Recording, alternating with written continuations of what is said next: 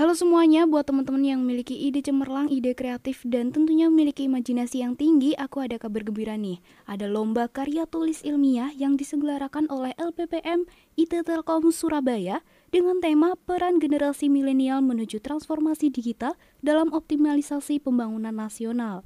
Di dalam tema tersebut ada beberapa subtema. Yang pertama ada maritim, yang kedua ada transportasi, yang ketiga ada logistik, yang keempat ada vintage dan ekonomi digital, yang kelima ada AI dan Big Data, yang keenam ada energi terbarukan. Dan untuk persyaratannya, yang pertama adalah mahasiswa D3, D4, S1 seluruh Indonesia. Yang kedua, setiap tim beranggotakan 2 sampai 3 orang. Yang ketiga, setiap anggota berasal dari institusi yang sama. Yang keempat, karya bersifat orisinil dan yang kelima, setiap anggota tim diperbolehkan berasal dari program studi yang sama maupun berbeda. Dan untuk informasi biaya pendaftarannya, untuk tahap pertama yaitu pengumpulan abstrak gratis, tidak dipungut biaya. Dan untuk tahap kedua yaitu pengumpulan full paper, peserta ditarik biaya dengan senilai Rp75.000 dan kabar gembiranya dikhususkan untuk mahasiswa internal Institut Teknologi Telkom Surabaya gratis. Jadi tunggu apa lagi buat mahasiswa Institut Teknologi Telkom Surabaya harus ikut lomba LKTI Loyalism ini. Untuk informasi timelinenya, yang pertama ada pendaftaran dan pengumpulan abstrak gelombang pertama pada tanggal 20 September sampai 10 November 2021. Yang kedua ada sosialisasi LKTI pada tanggal 13 November 2021. Yang ketiga ada pendaftaran pengumpulan abstrak gelombang kedua pada tanggal 16 November sampai 11 Desember 2021.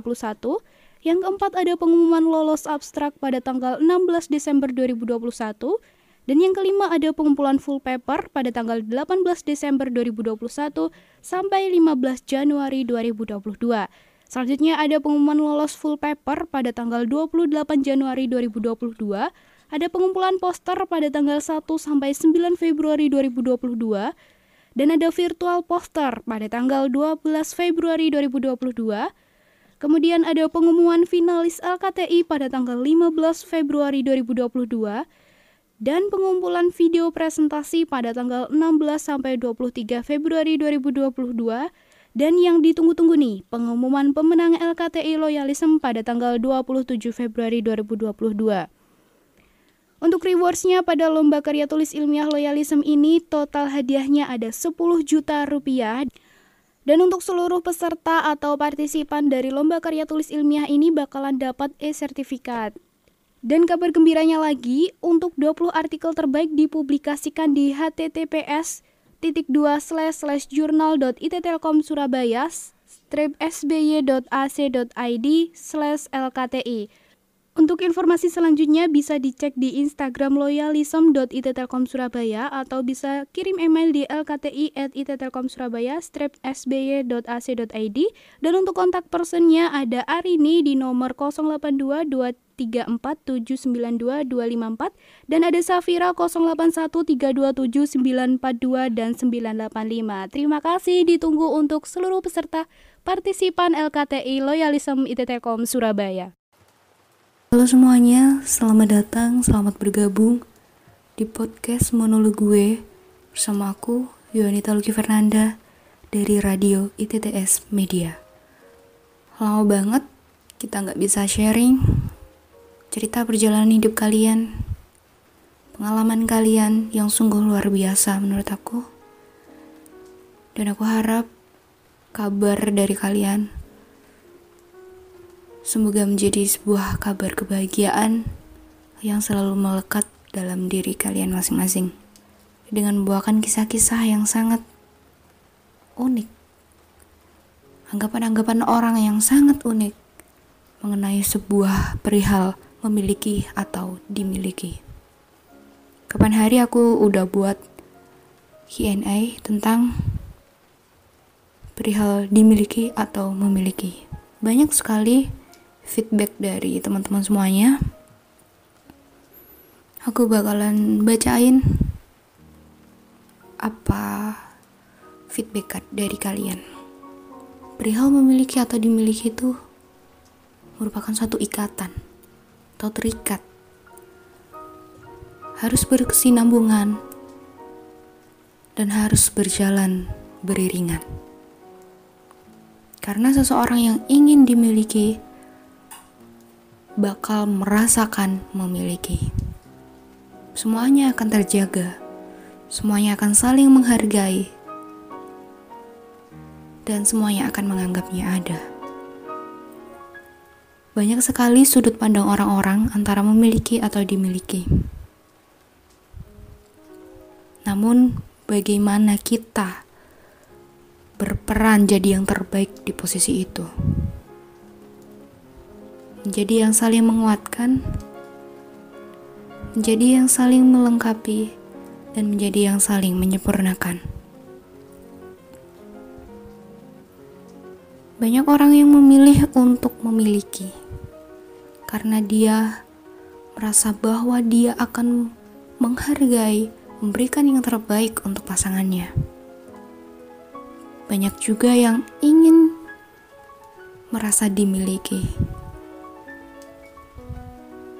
Sama seperti antara dicintai atau mencintai. Banyak juga yang bakal memilih dicintai karena dia tidak ingin berpikir lebih atau overthinking tentang sebuah hubungannya.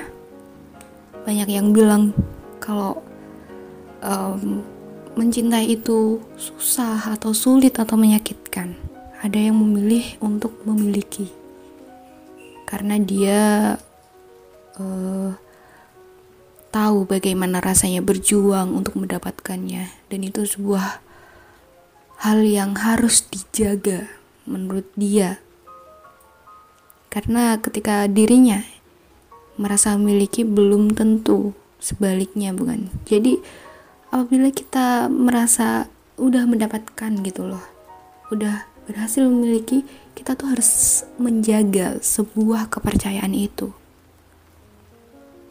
Karena zaman sekarang itu sebuah kepercayaan sulit banget buat didapetin. Banyak orang yang capek buat nyari kepercayaan aja sebelum dia memiliki. Mungkin ada sudut pandang dari orang lain yang menurut aku ini sedikit ego. Dia ingin memiliki karena alasannya dia berhak atas sepenuhnya di dalam kehidupan pasangannya. Menurut aku, itu sedikit ego ya, teman-teman. Karena di dalam kehidupan pasangan kalian, itu bukan melulu tentang kalian, namun ada orang lain yang ada di dekatnya.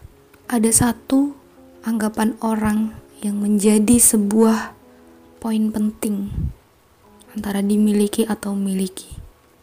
Tentunya anggapan ini berguna atau e, sangat menyinggung bagi penggemar-penggemar rahasia ataupun orang yang habis tersakiti ataupun orang yang um, tidak dihargai oleh pasangannya dan dia hanya ingin mengaguminya, ingin menjaganya dari jauh. Anggapannya cinta tidak harus memiliki, itu palsu. Cinta itu datangnya dari rasa sayang yang ingin menjaga dan memiliki. Ada lagi anggapan bahwa mencintai tidak harus memiliki. Menurut pendapat kalian gimana sih antara mencintai tidak harus memiliki itu? Apakah itu benar-benar ada? Orang yang mencintai itu tidak harus memiliki. Katanya, titik tertinggi dari sebuah mencintai itu mengikhlaskan. Dan apakah sudah ikhlas? Dan apakah kalau sudah ikhlas itu bisa dikatakan mencintai lagi? Sangat tidak mungkin kan? Mungkin itu masih menjadi perdebatan antara semuanya. Di sini terdapat anggapan seseorang yang menurut aku um, ini memiliki garis besar di antara memiliki atau dimiliki. Aku masih mencari yang terbaik, kata seseorang yang percaya akan nasib baiknya. Tapi kadang juga perasaan memiliki dan dimiliki ini bisa menjadi pemicu untuk ke depannya agar kita tahu dengan siapa kita mengukir masa lalu kita dan dengan siapa kita akan membentuk masa depan kita. Beruntung bagi orang yang merasa dimiliki tanpa lupa seharusnya dia memiliki orang yang memilikinya. Karena di sana perjalanan perginya akan berbuah pulang yang manis. Satu hal yang kupelajari dari pengalamanku, tidak ada yang lebih baik di antara memiliki atau dimiliki.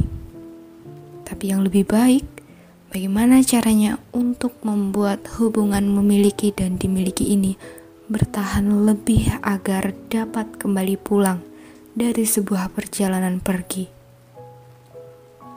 Tidak salah jika alasanmu klasik, jika kamu berkata kamu masih proses pencarian. Tapi jangan salahkan waktu jika waktu memberi jawaban yang klasik. Kenapa aku belum mendapatkan yang tepat? Katamu, dengan santai waktu menjawab, bukannya proses pergimu masih jauh. Ingin mencari kan? Silahkan mencari. Jika ingin menyempurnakan itu hakmu untuk berhenti kapan pun kamu mau, dan bisa pulang jika kamu sudah merasa sempurna. So, buat teman-teman semuanya, jika kalian ingin merasa memiliki, maka kalian harus menghargai orang yang akan dimiliki olehmu. Terima kasih sudah mendengarkan podcast monolog gue dariku. Semoga kebahagiaan selalu berdamai dengan kalian. See you dan sampai jumpa.